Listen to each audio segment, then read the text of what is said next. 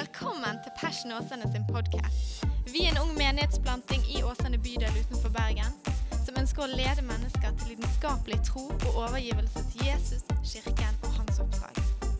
Takk for at du lytter til vår podkast, og vi håper du blir oppmuntret og utfordret i din etterfølgelse av Jesus.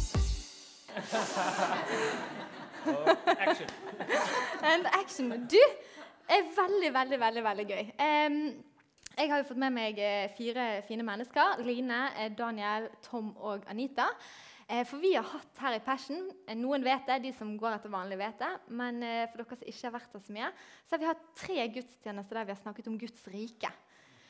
Og en kjapp sånn oppsummering, så På del én snakket Daniel om Guds rike. Hva er det for noe?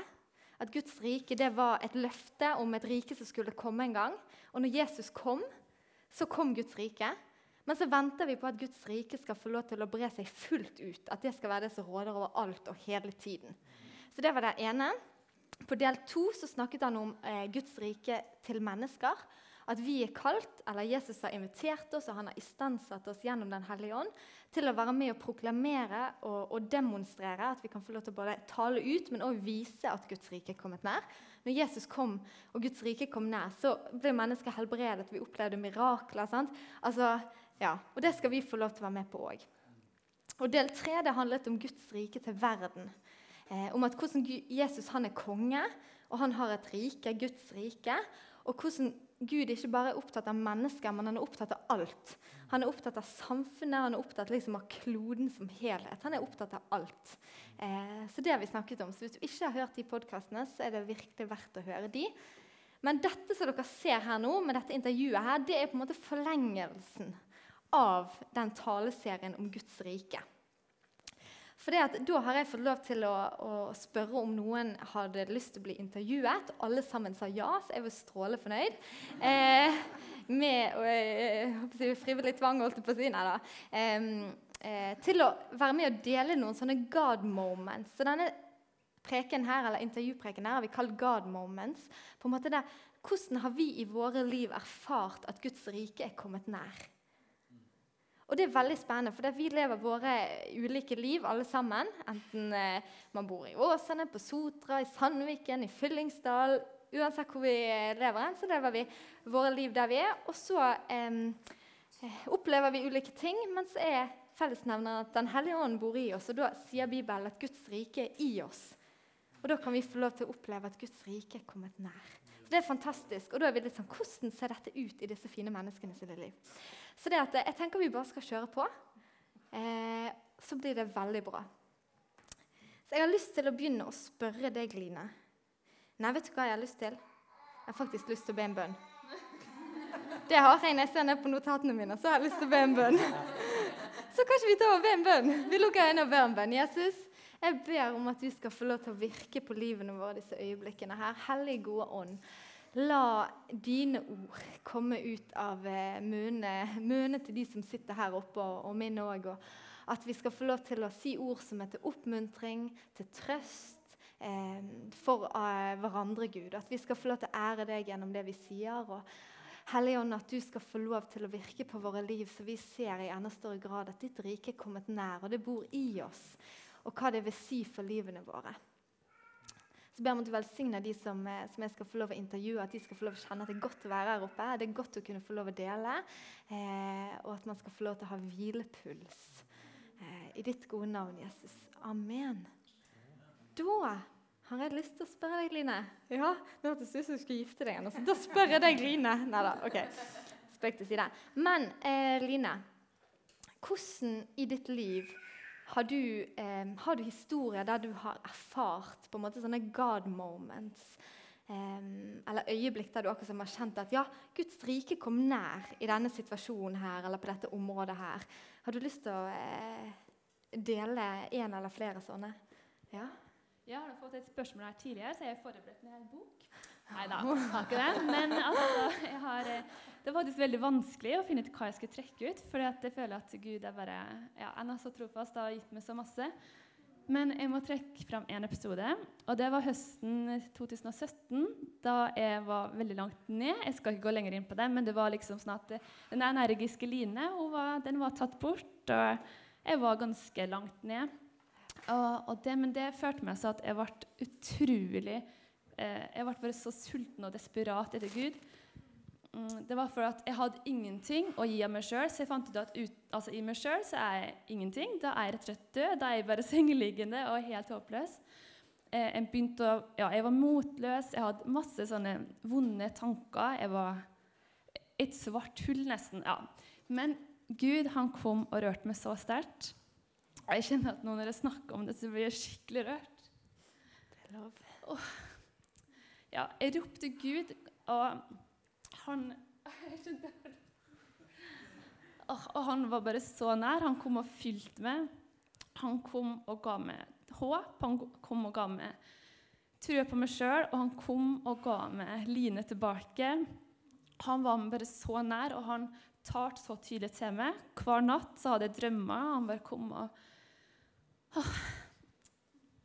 Jeg skjønner at jeg har ikke helt forberedt her. Men uh, det er litt vanskelig å sette ord på, egentlig, for at Gud viste meg på en måte som jeg aldri kunne vite at han kunne vise på meg. Og den dag i dag så ville det halvåret jeg var så langt ned, det ville faktisk ikke vært foruten, fordi at Gud var så sterk, uh, så sterk for meg. Eh, Um, ja.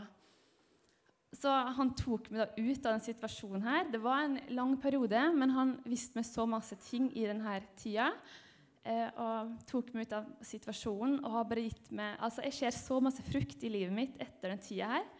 Eh, og så er jeg bare ah, Gud er så trofast, og han, han stiller alltid opp. Og ja, Men jeg tror liksom at jeg måtte på en måte være så svak for å på en måte innse hvor avhengig jeg var av Gud. Eh, så det var egentlig utrolig fint. Så ja. ja. Gud han er, jo, eh, han er jo ekspert på å snu noe vondt til noe godt. Det å snu ting opp ned. Så det var Tusen takk, Line. Eh, hvis jeg kan spørre deg si, et, et lite spørsmål til. Sånn i hverdagen nå, hvordan, eh, hvordan eh, erfarer du at Guds rike bor i deg. Akkurat Hvilke konsekvenser har det for eh, måten du lever på, måten man bruker tiden på, eller måten man snakker med folk på? eller sånt. Har du noen tanker om, om det? Ja. ja, igjen så kjenner jeg at eh, eh skal vi si, altså Å leve et liv med Gud er jo en hverdagslig ting. så på en måte at eh, Gjennom hele dagen så er det så deilig å kunne ha små samtaler med Gud og, og kunne på en måte være et oppmuntring for andre mennesker. Eh, og jeg merker at eh, Gud bruker meg veldig mye rundt der jeg er, både på skolen og på jobben. Eh, han kan gi meg drømmer om natta for, ja, som på en måte tar det veldig til ting jeg skal gjøre. Eh, og han gir meg ofte bilder og syn. Eh, og for eksempel har jeg et fra forrige uke, så var jeg på jobb. Og så var jeg som hadde veldig vondt i hodet og måtte dra hjem fra jobben. Men så sa jeg ah, kan ikke jeg få be for det først. Jo, greit, men jeg skulle få be for henne. Eh, og så jeg for hun hjem etterpå, sa ingenting da, men dagen etterpå sa hun Line, vet du hva, da jeg kom hjem, hodepinen bare slapp helt, og jeg sovna på sofaen. Og jeg sovner aldri på sofaen, for jeg er så stressa. Og hun bare var så berørt av det. Og så var det at, eh, For jeg begynte en ny jobb, og da sa hun at eh, etter at du har begynt, Line, så har liksom alt bare falt på plass. Eh, og det er litt sånn Det er bare Gud som på en måte bare jobber gjennom oss på en måte uten at oss på en måte må prestere noen ting. da. Så jeg merker ja, flere sånne situasjoner at Gud bare bruker meg der jeg er. Og at ikke jeg trenger å på en måte være noen andre, eller noen sånne ting, men jeg, den er, og det er mer enn bra nok. Så ja. Så nydelig. Så nydelig. Kan jeg få lov å låne denne her, så sender jeg den litt videre. Tom, jeg tenkte du skulle få, lov å Ikke det gøy? Jeg syns det er så gøy å høre fra andre folk sine liv. Åh, kjenner jeg blir sånn smileglad. Eh, nå er det jo sånn at De fleste av oss de, det er noen som jobber i kirke. Men hvis vi ser rundt oss, så er det særdeles få. Eh, og godt er det, for hadde det vært eh, sånn at alle jobbet i kirke, så hadde det blitt mye kniving om de oppgavene som var. Eh, så det at Men de aller fleste av oss jobb, går på skole eller har jobber som er utenfor kirken. Og der, Tom, det har jo du. Du har jobbet eh, i mange år. Og så eh, eh, Nå jobber du i et dataselskap som holder til på Danmarksplass. Og så har jeg lyst til å spørre deg, for litt sånn, Ofte så har vi lett for å tenke at alt i Guds rike handler liksom om Kirken. Men så er det faktisk sånn at eh, Guds rike handler om Kirken òg. Men det er ikke en likhetstegn med å si at eh, Kirken er lik Guds rike. Å si at eh, Kirken mm, hvordan blir det, Guds rike i Kirken, det er sant. Men Guds rike er òg utenfor Kirken. I, eh, I samfunnet der vi er. Så dette, jeg har lyst til å spørre deg, Tom. Eh, hvordan opplever og erfarer du Gud og, og eventuelle God moments i din jobbhverdag? jeg, både nå og i årene som har vært gjennom din jobbkarriere?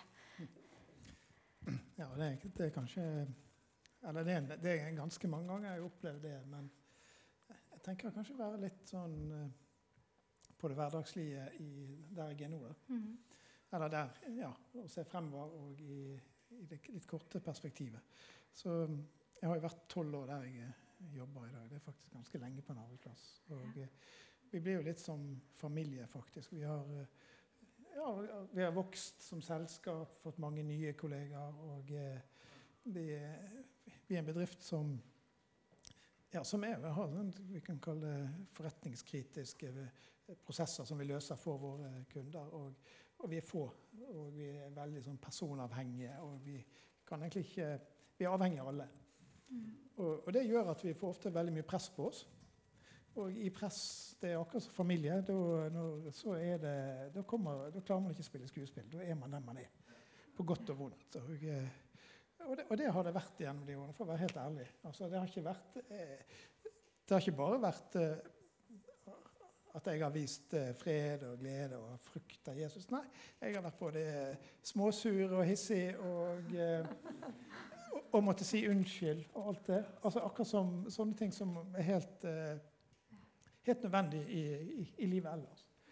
Men det har vært utrolig godt å kjenne at en kunne, kan være sånn. For jeg tror det er den genuine Å være ekte overfor kollegaene sine, det tror jeg er en god ting. altså. Og, og dele livet sånn som man kjenner det. Man, har man det sånn, så kan man dele livet. Og, og, og plutselig så, så får man inngang til folk. folk. Du får venner. Du får, du får faktisk gode venner. Kollegaene mine er gode venner, mange av dem. Altså. Og, jeg, og mange av dem irriterer meg òg. Så, så, så men, men det er liksom en sånn Jeg kjenner at det, vi har snakket mye om det å leve i lyset. Vi leste noe senest i husgruppen eh, på hele, hele første Johannes-brev. Og den var veldig, ble for meg veldig ransakende, faktisk. At jeg måtte faktisk omvende meg. Jeg har vært, jeg har vært lei og kjent Nei, dette, jeg har lyst på ny jobb. Jeg, jeg, jeg har prøvd en gang, jeg var ute i to måneder, måtte tilbake, kom tilbake. Ja. Så, så plutselig så kjente jeg liksom det at jeg hadde en, god, en samtale med en god kollega her om dagen. Vi skal måtte ha litt nedskjæring av amerikanske eiere. Tjener ikke nok penger og alt det der. Og, og da plutselig, så, gjennom den samtalen jeg hadde med min kollega, så, så opplevde jeg at Gud sa til meg at han sa, eller han sa hvis vi skal slutte her, så er det bare en jobb. Det er aldri noe grønnere gress andre steder. Sånn er det bare. Så da må det være noe man virkelig brenner for. Altså Noe som virkelig Gud kaller en til å gjøre. Og, og det, Gud åpna dører. Det kan jeg bare si med en gang. fra jeg, jeg, jeg har jeg er sånn halvstudert røver, som de kaller det, med en sånn cand.mag.-grad. Og jeg har fått de jobbene jeg har fått. eh, Det er, det er, det, det, er dører som Gud har åpnet for meg hele veien. Fra jeg var ferdig utdannet til der jeg er nå. Så, så Gud har alltid vært der som en døråpner. Og, og det tror jeg er utrolig viktig. Og jeg vet fremdeles ikke egentlig hva jeg skal bli når jeg blir stor. så, så og da er jeg snart 54 år. Så, og det er litt sånn godt å vite. Altså, Gud har alltid noe Kan plutselig gi en helt nye ting. Altså, det, det er spennende med å være en kristen. Og, og Han sier et eller annet sted at han Følg meg, så skal jeg gjøre dere til menneskefiskere. Han sa ikke at du var menneskefisker, men han skulle gjøre oss til menneskefiskere. Og jeg opplever at dette er en del av den de, de, de eh, slipesteinene Gud bruker overfor meg til, å, til at han skal selv få plass i meg sjøl. For jeg opplever det en del av at, at Guds rike skal vinne skikkelse i oss òg. At, at det skal være mer og mer synlig. Han bor i meg, og det er jeg utrolig takknemlig for. Men jeg tror det er reaksjonsmønstrene mine opp gjennom øh, har ikke bare vært Kristus. Det har vært også, de ting jeg ikke liker. Men der har det vært fantastisk å kjenne at Gud han kan peke på ting. Altså, du kan kjenne en slags vrede. Men så sier du at, men så kjenner han også at i, under det så ligger det en dyp strøm av nåde. Og hans miskunnhet varer hele livet ut, leste vi nettopp meg og Ingvild i, i salmen. Og det, Det, hans vrede kan være kort, men hans miskunnhet varer livet ut. Sa David om, om sitt forhold til Gud. Og jeg tror det er en veldig god, god beskrivelse av hvordan det er. Det var, skulle ikke holde noen tale. det. Det er jo gøy å se. Da kommer det liksom frem hvem som egentlig er en litt sånn Kanskje en har en ta taler i magen. Nei, men det er eh, gøy. Em, et, et lite sånn spørsmål òg som jeg ikke har forberedt deg på. Men nå er jo mange, de fleste her eh, Jeg tror, jeg tror ikke det kommer flere sånne U-spørsmål som eh, man ikke vet om. Men det er mange som er her som eh, er helt tydelig i sin Noen er ikke begynt å studere eller jobbe, og noen er liksom akkurat begynt. Mange av oss er akkurat begynt. Har du noen liksom, sånn tips til hvordan har du eh, på en måte inkludert Gud i din jobbhverdag og på en måte i den delen av livet? For Av og til så har man lett for å begynne å skille ting. sant? Man er kristen der, og så går man på jobb der. på en måte. Men ja, hvis Altså, du har et tips til oss eh, som er litt yngre, og for så vidt de som er på samme alder. Ja. Ja, hva, hva skal det være? Tipset må jo være at eh, Som Line beskrev det veldig godt altså vi, Gud vil gjøre altså Vår medgang er jo at vi blir mer og mer avhengig av Han, selv om det er litt tøft innimellom. Det, det er det.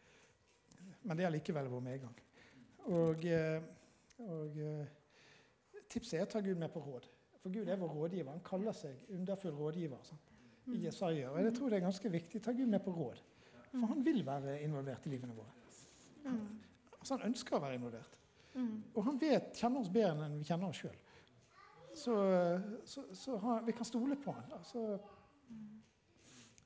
og gjennom det så blir vi kjent med han. Så, så jeg, jeg har veldig tro på det å, å spørre Gud. Mm. For at vi alle skal kunne kjenne han. Fra, fra den største av oss til til det minste. Så, Mm. så alle skal kjære Gud. Kjenne Gud. Og det, så rådet er å ta Gud med på råd. Ja, Rådet er å ta Gud med på råd. Det var et Ja. godt råd. Det var et godt råd. Ja. Ja. Har du noe mer du eh, brenner inne med, Tom? Hvis ikke så suser vi litt Nei, videre. jeg tror, eh, kan suse litt eh, videre til Anita. Det er så herlig. Anita, du er jo en spennende dame, Anita. Um, det, er ikke, det er ikke kanskje så mange i fellesskapet som kjenner deg så godt ennå. Du begynte i Passion i høst, eh, og det har vært en stor glede for, for meg og Daniel og for mange andre her. Um, eh, så det, er veldig gøy at jeg kunne få lov å intervjue deg litt òg. Men eh, nå røper jeg kanskje litt, men, Anita, du har jo ikke alltid vært kristen. Eh, du ble kristen i voksen alder. Eh, Så kan du fortelle litt sånn her kort, eh, hvis, hvis det er mulig, holdt jeg på å si, troshistorien og, og litt sånne ting. Jeg blir jo, det innbefatter jo nesten hele livet plutselig. Sant? Men, men eh, hvordan Gud, du følte at Guds rike kom nær? Hvordan du på en måte hadde litt sånn God moment, eller at du erfarte at Gud ble virkelig for deg? Ja. ja. Ja. ja veldig kort. Nei da, ta Nei, men jeg har jo alltid trodd egentlig på Jesus, men han har aldri vært en virkelighet for meg. på en måte. Jeg har alltid trodd på historien. Jeg har gått på søndagsskole, jeg har gått i kristne kor og på Danielsen. men ingen blir frelst av det. da. Og så når eh, vi var voksen, og hadde fire barn, så gikk, begynte jeg og mannen min på alfakurs. Så det var egentlig gjennom et alfakurs. Men mens vi gikk på det alfakurset, så tror vi sikkert ble oppfordret til å lese i Bibelen. I hvert fall så gjorde jeg det en dag. Ehm, jeg tror det var en dag rett før vi skulle gå på kurs. Og så gikk jeg meg en tur, og så plutselig når jeg gikk på den turen, så var det et bibelord som jeg hadde lest i Nå holder jeg bare fast for denne, men det var i Markus 11, 24. Eh, og der står det at eh, vi skal eh, legge alt frem for i bønn, og så skal vi tro når vi ber, at vi får det vi ber om. Og det gikk jeg og tenkte på. Og så på den turen gikk det plutselig opp for meg at eh, jeg kan jo bare be Jesus om at han skal komme inn i livet mitt, for det ville jo jeg da. Men jeg syntes det var så vanskelig, og jeg ventet på en stor revolusjon eller et eller annet. Jeg vet ikke hva jeg ventet på. Men mens jeg gikk på turen, så gjorde jeg det. Og, jeg og så kjente jeg at det skjedde noe, og jeg fikk eh, en fred. Jeg vet ikke hva jeg skal forklare der. Kom hjem igjen til mannen min og fortalte hva som hadde skjedd. Han ble jo litt irritert, for vi skulle bli frelst sammen. Det var derfor vi gikk på dette alfakurset. Så det var litt sånn eh, ikke så bra. Eh, Men eh, da var vi på kurs samme kveld og hadde det fint der. Og så reiste vi på den Viken som har med Den hellige ånd å gjøre. Eh, og da ble han skikkelig frelst. der. Det var en skikkelig bra opplevelse. Og da, den helgen den, den kan jeg tenkte på det i dag, at den kan jeg fremdeles huske som eh, helt Altså, det var helt vilt. vi fikk jo ikke sove når vi kom hjem igjen om eh, søndagen til mandag. Og vi bare Oi, dette er så stort. Det var så bra. Så det er en skikkelig forandring. Vi lå våken hele natten, og han skulle på jobb dagen etterpå. Jeg sa at han ikke går på jobb og forteller med en gang hva som har skjedd. Du må la de på jobben din få fred. Og når klokken var ni, så ringte en kollega og sa du må komme og hente den. Han er blitt helt gal. og det var jo bare en spøk. Men da hadde han sagt noe med andre ord. Ja. Ja, sånn er det. så det tror jeg at når Guds rike kommer nær, så vil du få det ut igjen. Ja. Da vil du ha det. Og jeg visste jo han kom til å gjøre det. Jeg kjente han.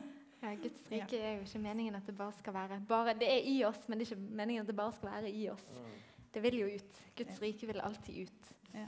Mm. Nei, men du, Og så fra noe håper jeg, veldig fint til noe eh, jeg, ikke, ikke, så fint. Men i 2011 så opplevde jo dere som familie en, en tragedie.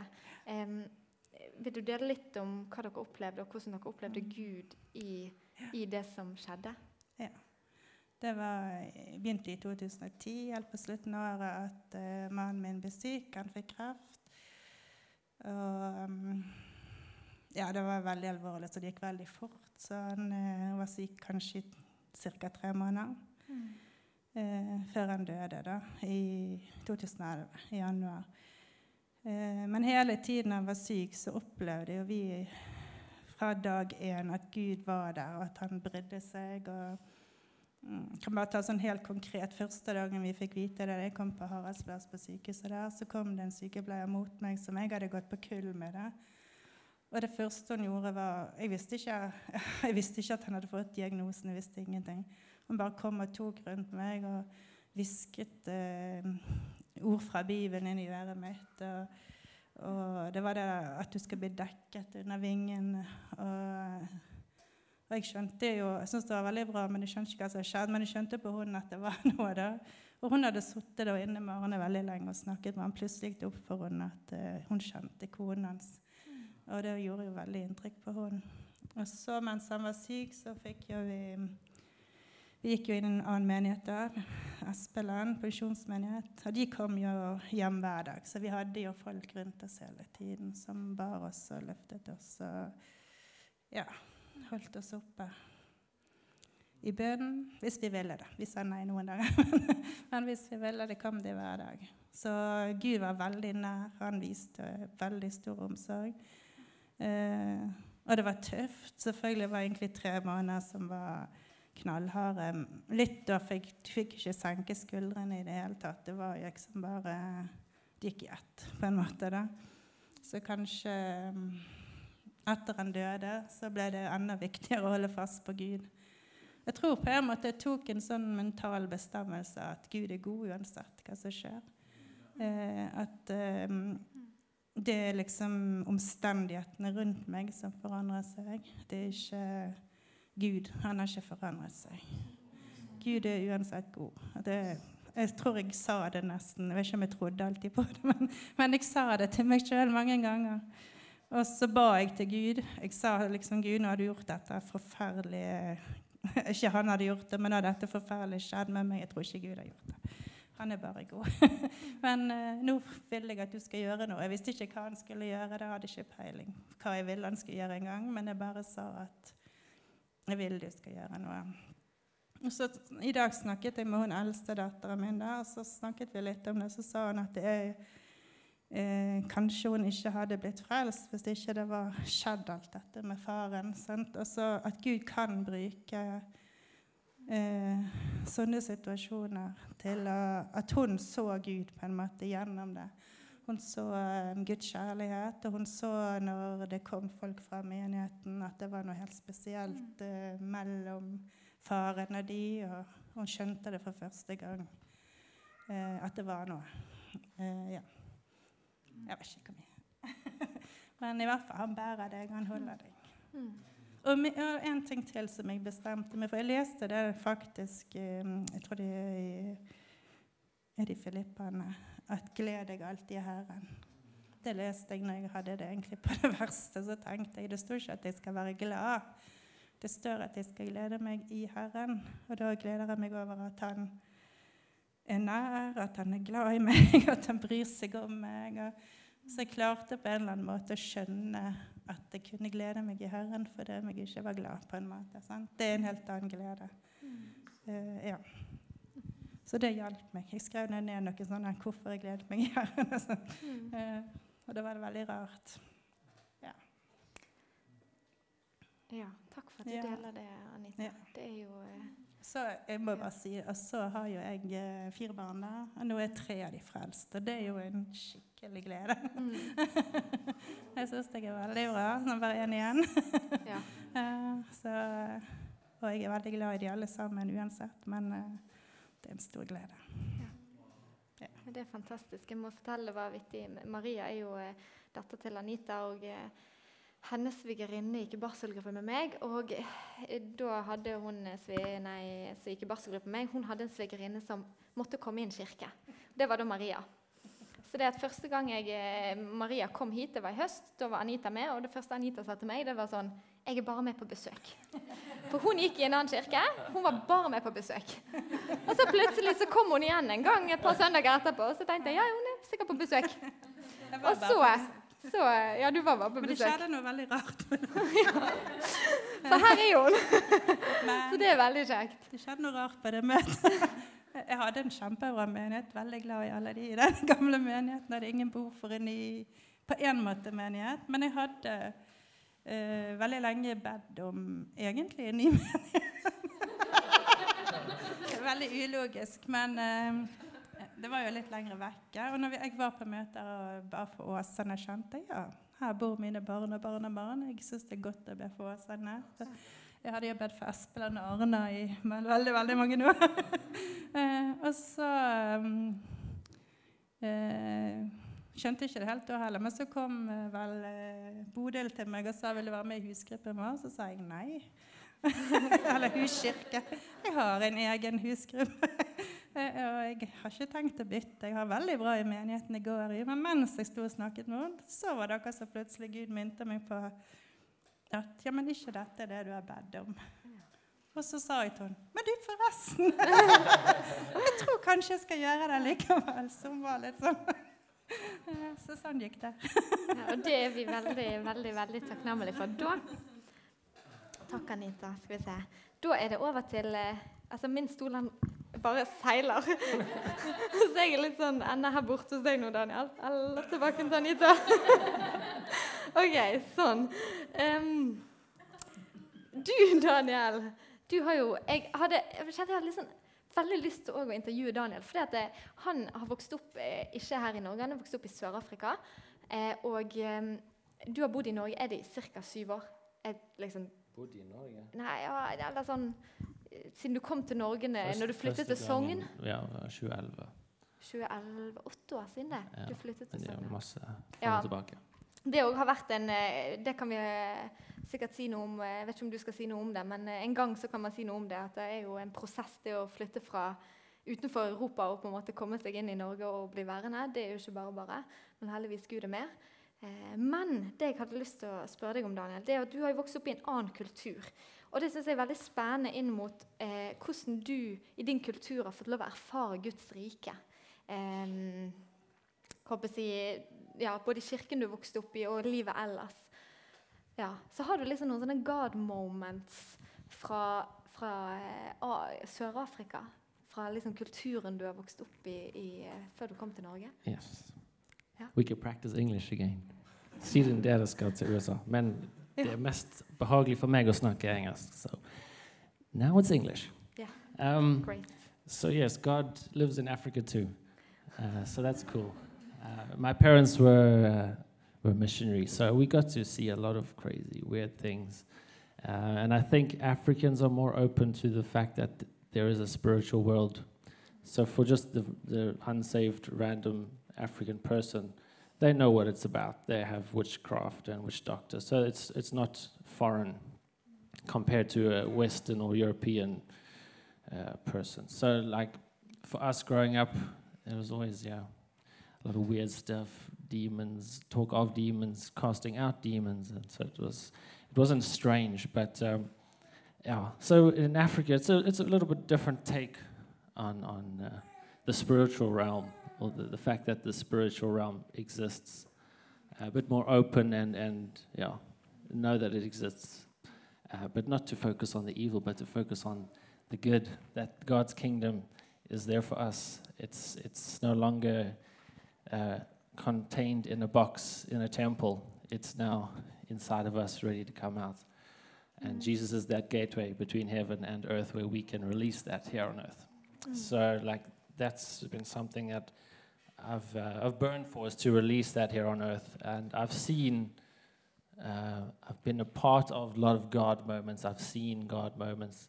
My brother had chronic asthma when he was two or three. Like, he would have serious asthma attacks and couldn't breathe, go blue in the face.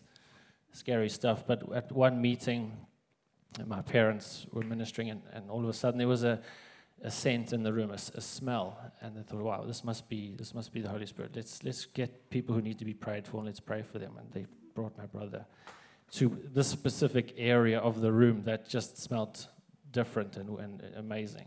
So they took him there and they prayed for him, and just like that, he had he no longer had asthma. And like for people who struggle with asthma, you know, it's a terrible it's a terrible thing to struggle with, but he had it chronically. It was, it was like, it could have been deadly. So he was completely healed in one of those God moments where heaven was literally here on earth, where, that, where their kingdom was just released. So that was amazing. So that wasn't to me, but I was there to witness.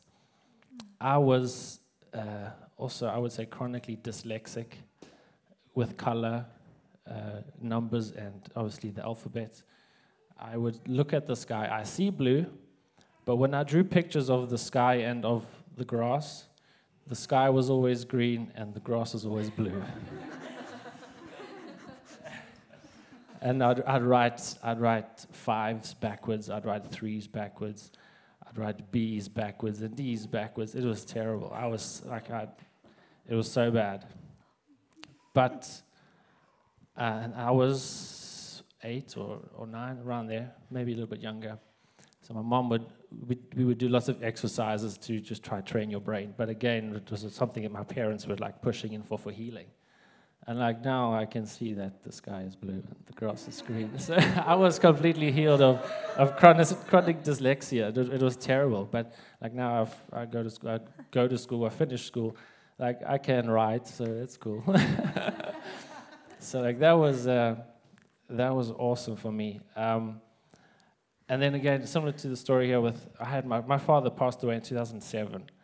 Um, and I can only credit what happened to our family after that as a God moment, not bang one day. It was a it was a process, but the the speed at which, or not the speed, but the process was so quick. How we healed, how Holy Spirit worked within us uh, through my mom. Obviously, she's the pillar of the family because uh, she's the one who we look up to, right? When your father disappears, it's only your mom you look to.